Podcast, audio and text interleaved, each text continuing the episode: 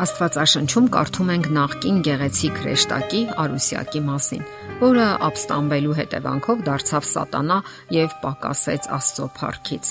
Դու կատարելության կնիքն էիր, լի իմաստությամբ եւ կատարյալ գեղեցկությամբ։ Եդեմում Աստծո պարտեզում էիր։ Քո ծածկոցն էին բոլոր պատվական քարերը՝ սարդիոն, տպազիոն, ադամանտ, ոսկեքար, եղեգնակար ու հասպիս շափյուղա, կարկեհան, զմրուխտ եւ ոսկի, գործված քեզ համար։ Դու օծված էիր պահապանքերով բեի նման, եւ ես քեզ այդպիսին կարգեցի։ Աստծո սուրբ սարի վրա էիր, հրե քարերի մեջ էիր քայլում։ Դու քո ստեղծման օրից կատարյալ էիր քո ճանապարներում,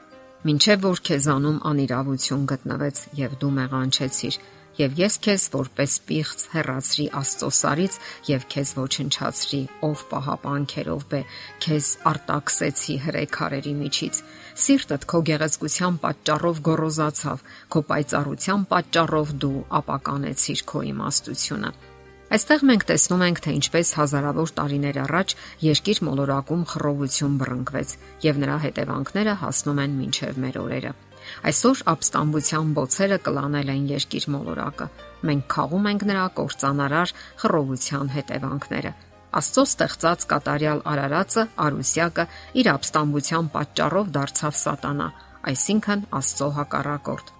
Նա իր դիվային թակարդի մեջ գցեց նաև մարդկանց։ Առաջին մարդիկ Ադամն ու Եվան ստեղծվել էին կատարյալ մարմնով, Սակայն տրվելով դիվային խափեությանը նրանք չվստահեցին Աստծո խոսքերին եւ ընտրեցին ապստամբության ճանապարհը։ Այսօր էլ մարդկանցից շատերը շարունակում են ընտրել սատանայի ճանապարհը եւ համառում են իրենց ընտրության մեջ։ Նրանք մերժում են Աստվածային կոչը եւ գնում են սեփական ճանապարհներով։ Իսկ ինչպես բռնկվեց այդ մեծ պատերազմը երկնքում, որի դառը հետևանքները խաղում ենք բոլորս։ Ինչ տեղի ունեցավ։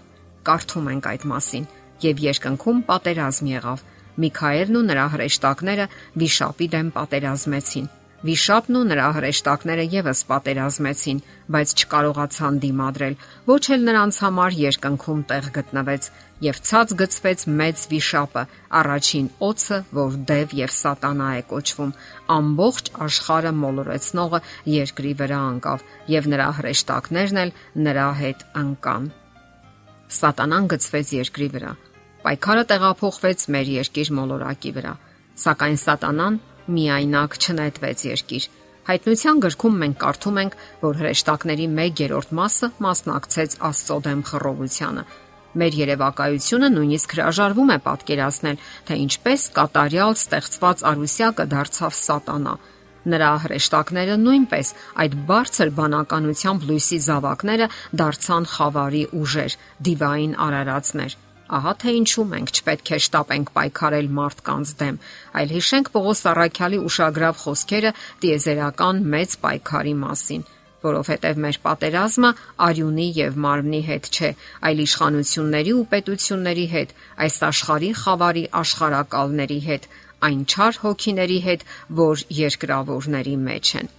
Շատերն այսօր մտածում են, որ սատանան առասպել է կամ միայնակ դև։ Դա խանգարում է մարդկանց պատկերացնելու, որ նա իրական բանական արարած է։ Նկատենք նաև, որ Աստված այս ամենի մեջ ոչ մի մեղք չունի։ Նա հրաշալի ու գերազանց էր ստեղծել Արուսյակին, սակայն վերջինս ապստամբեց։ Նույն ձևով մենք չենք մեղադրում հարբեցողի ծնողին, որովհետև խմող անznավորությունը ինքն է կատարում իր ընտրությունը։ Ապստամբությունը երկնքից տեղափոխվեց երկիր Այսուհետև փորձության առաջ էր կանգնելու ողջ մարդկությունը։ Դրան ենթարկվեցին Ադամն ու Եվան։ Եդեմական այգում սատանան օծի կերպարանքով գայթակղեց Եվային։ Եվան տրվեց այդ գայթակղությանը։ Նրան հետևեց Ադամը։ Նրանք ճաշակեցին արգելված պտուղը։ Աստծո մեծ ցանկությունն էր, որ մարդիկ կամավոր հնազանդվեն իրեն եւ կամավոր երկրպագեն Մարդ էակը պետք է անհնազանդության ընտրություն ունենար, որpիսի անկամ ռոբոտի չվերածվեր։ Հնազանդությունը ոչինչ չի նշանակում, եթե մարդը չի կարող չհնազանդվել։ Ազատությունը այն թանկ պարգևն էր, որ Աստված տվեց մարդուն։ Դա տեղի ունեցավ Եդեմի այգում։ Աստված բնակեցրեց Ադամին ու Եվային մի այգում, որտեղ ծառերը ճկվում էին պտուղների առատությունից, սակայն կարմի ծառ որի պատուղներից նրանք չպետք է ճաշակեին մահվան սпарնալիքով։ Իդեպ Աստվածաշունչը ոչինչ չի ասում այն մասին, որ դա խնձորի ծառ էր։ Եվ եթե մեր նախածնողները հրաժարվեին ճաշակել այդ ծառի պատուղները, ապա հավատարմություն կդրսևորեին։ Դա կլիներ կամավոր, սիրո, հնազանդության ընտրություն։ Սակայն ազատության այդ պարգևը մարդնի ճարը օգտագործեց։ Նա անկավ եւ մեղք գործեց։ Այդ կամավոր գիտակցական ընտրության սխալ ընտրության պատճառով մեր մոլորակը դարձավ խռովարար, ապստամբ մոլորակ։ Մենք ապրում ենք ապստամբ մոլորակում։ Մեր աշխարհը մենք բոլորս միասին դարձանք մոլորյալ գառներ։ Մենք կորցրեցինք ճիշտ ճանապարհը եւ հիմա թափառում ենք մոլոր ճանապարհներին։ Մենք խռովարար մոլորակի զավակներն են։ Մենք խռովարար մոլորակի զավակներն ենք, որ ունենք իմաստուն ուղեկցի կարիք։ Եվ այդպիսի ուղեկից է Քրիստոսը։ Երբ մենք մեղք գործեցինք, Աստված նախատեսել էր եւ այդ հնարավորությունը։